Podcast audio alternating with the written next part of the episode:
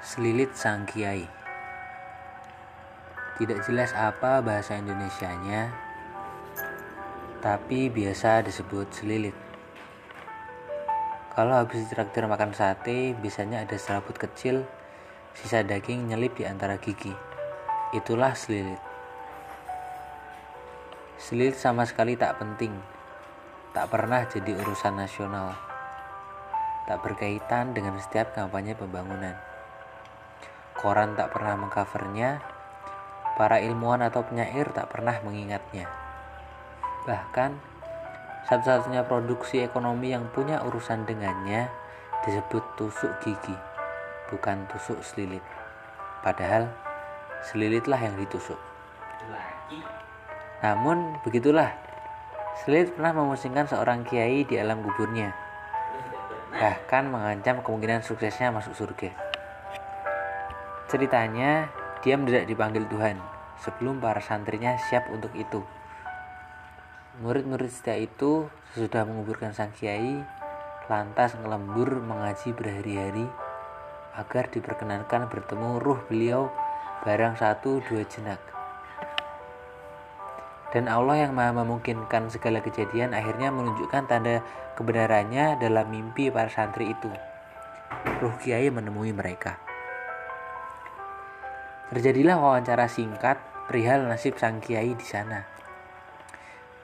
Baik-baik nak, dosa-dosaku umumnya diampuni, amalku diterima.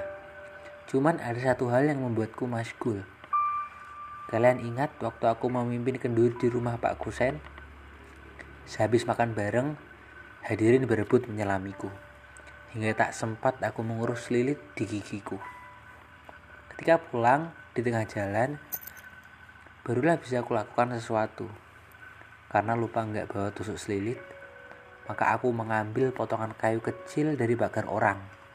Kini, alangkah sedihnya. Aku tak sempat minta maaf kepada yang empunya perihal tindakan mencuri itu.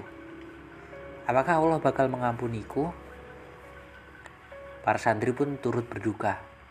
Kemudian membayangkan alangkah lebih malangnya nasib sang kiai bila selit giginya itu serta tusuk yang dicurinya itu sebesar gelondongan kayu raksasa di hutan Kalimantan.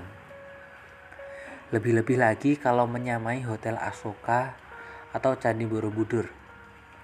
Setidaknya satelit palapa ada satu intensitas rohani tertentu dari hidup manusia, yakni tempat Tuhan begitu mutlak, tempat pahala begitu sakral, dan dosa begitu menakutkan lebih dari banaspati. Intensitas itu tentunya bergantung pada bagaimana seorang mengolah dirinya dalam hidup.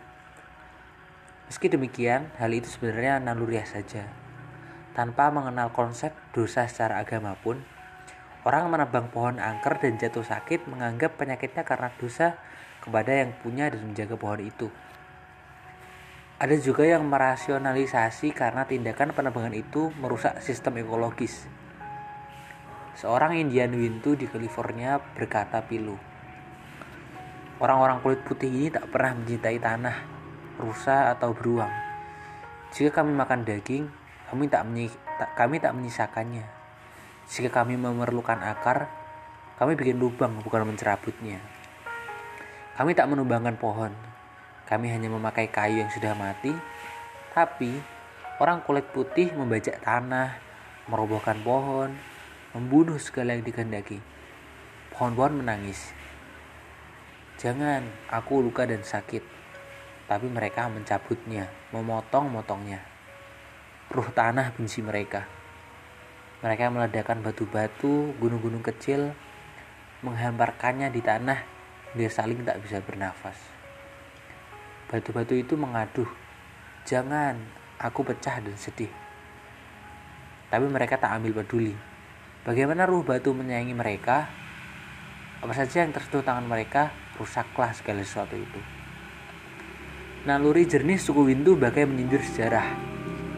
Sesudah kepunahan bangsa kulit merah, manusia dengan kecerdasan berhasil menaklukkan alam, menggenggamnya, mengeksplorasinya, menyulapnya menjadi surga impian, memakannya, menghabiskannya, menguras dan mengenyamnya demi kelayakan-kelayakan yang irasional dan mubazir. Bagai direncanakan untuk menyegerakan berbagai kehancuran yang ditutup-tutupi. Jika naluri suku Windu disebut identik dengan kesadaran dosa, pada zaman serba penaklukan ini rumusan dosa telah begitu sukar diperoleh.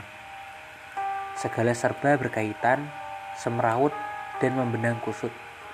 Menjadi tak begitu penting juga di negeri yang bahasanya tampak begitu religius. Kata Tuhan disebut ratusan kali setiap hari konsep dosa tidak memiliki fungsi di hampir setiap kebijaksanaan yang menyangkut orang banyak. Konsep dosa hanya tersisa di bagian pinggiran dari urusan pokok masyarakat. Dan di bagian pinggiran itulah hidup Pak Kiai yang sangat maskul akibat dosa selilitnya. Selilit Sang Kiai karya MH Ainun Najib